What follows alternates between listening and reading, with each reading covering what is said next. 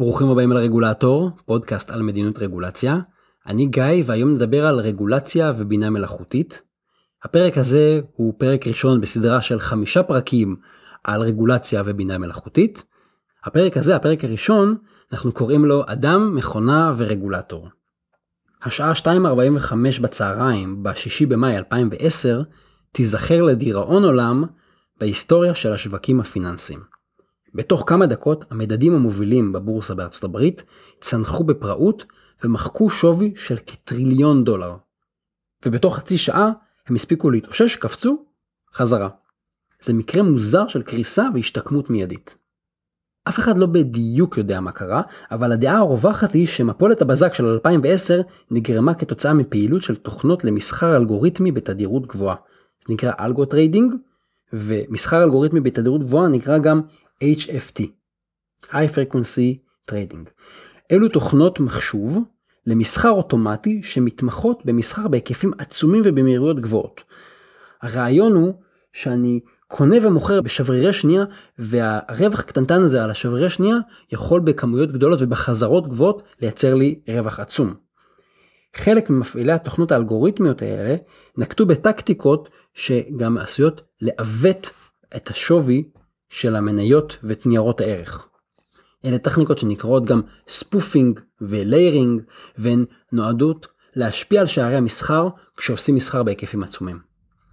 כבר עשרות שנים שיש רגולציה על השווקים הפיננסיים, היא התחילה בצורה משמעותית אחרי המשבר הכלכלי של 1929, והיא כוללת גם איסור על מניפולציות בשווי ניירות הערך.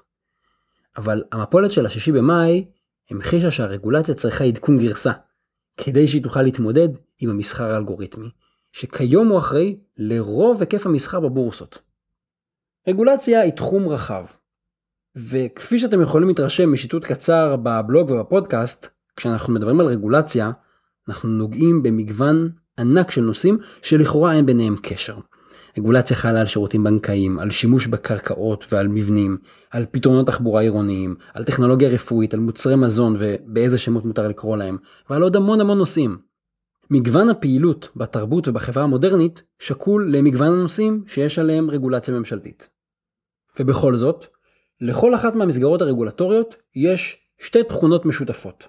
אחת, הן נועדו לצמצם סיכונים שכרוכות באותה הפעילות ספציפית, והרגולציה מתייחסת לפעילויות שעושים בני אדם. המשפט האחרון אולי נשמע לכם טריוויאלי אבל הוא לא. כי הרבה פעמים אנחנו מדברים על רגולציה ככללים שנועדו להכווין התנהגות. אבל כשאנחנו אומרים התנהגות אנחנו מתכוונים להתנהגות של בני אדם.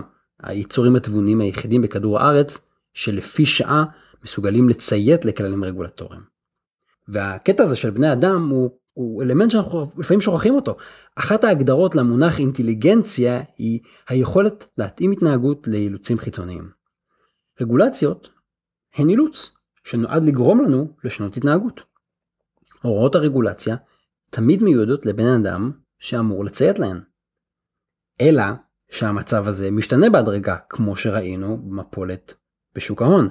התקדמויות דרמטיות בתחום הבינה המלאכותית מהעשורים האחרונים מאפשרות למכונות לבצע יותר ויותר פעולות מורכבות, פעולות שבעבר רק בני אדם יכלו לבצע. מחשבים ורובוטים לא רק מבצעים משימות, ולפעמים עושים את זה יותר טוב מבני אדם, היום הם גם לומדים מהר, ולומדים באופן עצמאי, ולומדים לבד, לא צריך ללמד אותם. התחום הזה נקרא למידת מכונה, Machine Learning. המשמעות של עליית המכונות היא שיותר ויותר פעולות ותהליכים מתבססים או ממש מבוצעים על ידי מחשבים שהם מקבלים את ההחלטות. ההתנהגות היא של המחשב. נכון לסוף שנת 2018, לא פחות מ-17 מדינות הכריזו על תוכניות לאומיות לקידום תחום הבינה המלאכותית. הבולטת שבהן היא סין, שביולי 2017 הודיעה כי בכוונתה להפוך למובילה העולמית בתחום עד שנת 2030. בחודש פברואר 2019 הגיעה קצת מאוחר מדי התשובה של ארצות הברית, התשובה של ממשל טראמפ.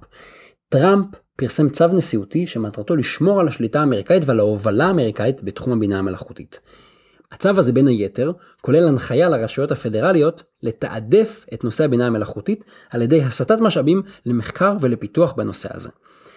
הביקורת העיקרית היא שבניגוד לסינים, טראמפ לא התחייב להעניק תקציבי מחקר חדשים.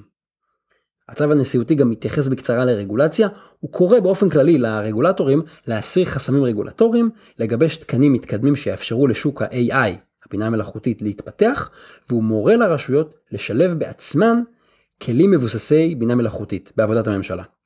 העניין הוא שהוא לא כל כך מפרט איך הרגולטורים אמורים לעשות את זה, והוא גם לא קובע יעדים מדידים לזה.